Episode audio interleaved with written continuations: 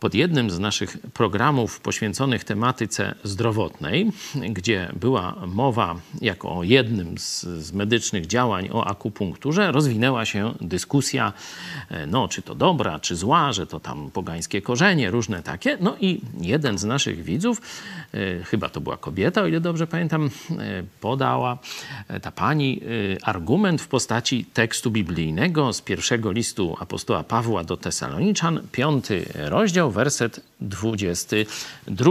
To z Biblii Tysiąclecia, skąd, stąd się będę posiłkował. Unikajcie wszystkiego, co ma choćby pozór zła. Unikajcie wszystkiego, co ma choćby pozór zła. No, zobaczcie, no, wszystko, to czyli duży kwantyfikator, czyli trzeba wszystko wyrzucić. I pozór, no teraz ten pozór zła, no to jest naprawdę bardzo trudna kwalifikacja. Na przykład no, telewizja no, ma pozór zła, bo są filmy, gdzie tam e, horrory są, pornografia jest w telewizji, w internecie, no jest pozór zła, no jest, no to wyrzucić telewizję, wyrzucić e, internet i jeszcze parę innych rzeczy dałoby się E, w ten sposób, że tak powiem, podejść. Pismo Święte w sensie objawienie Boga nie jest tak niejednoznaczne, żebyś praktycznie nie wiedział, co robić. To jest po prostu błąd w katolickim tłumaczeniu. Oczywiście w protestanckich Bibliach też są błędy, żeby było jasne.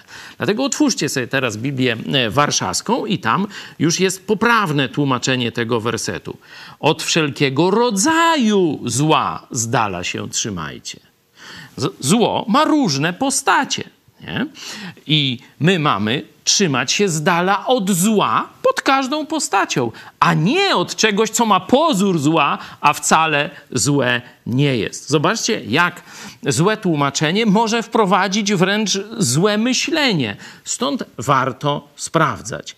Mamy unikać wszelkiego zła we wszelkiej postaci, ale absolutnie nie mamy się dać wprowadzić na działania pozorne i, tak jak to się mówi, wylewać dziecko z kąpielą. Stąd czytajcie Biblię, sprawdzajcie różne tłumaczenia. Można też sprawdzić w tekście greckim. Zachęcam do uważnego studiowania.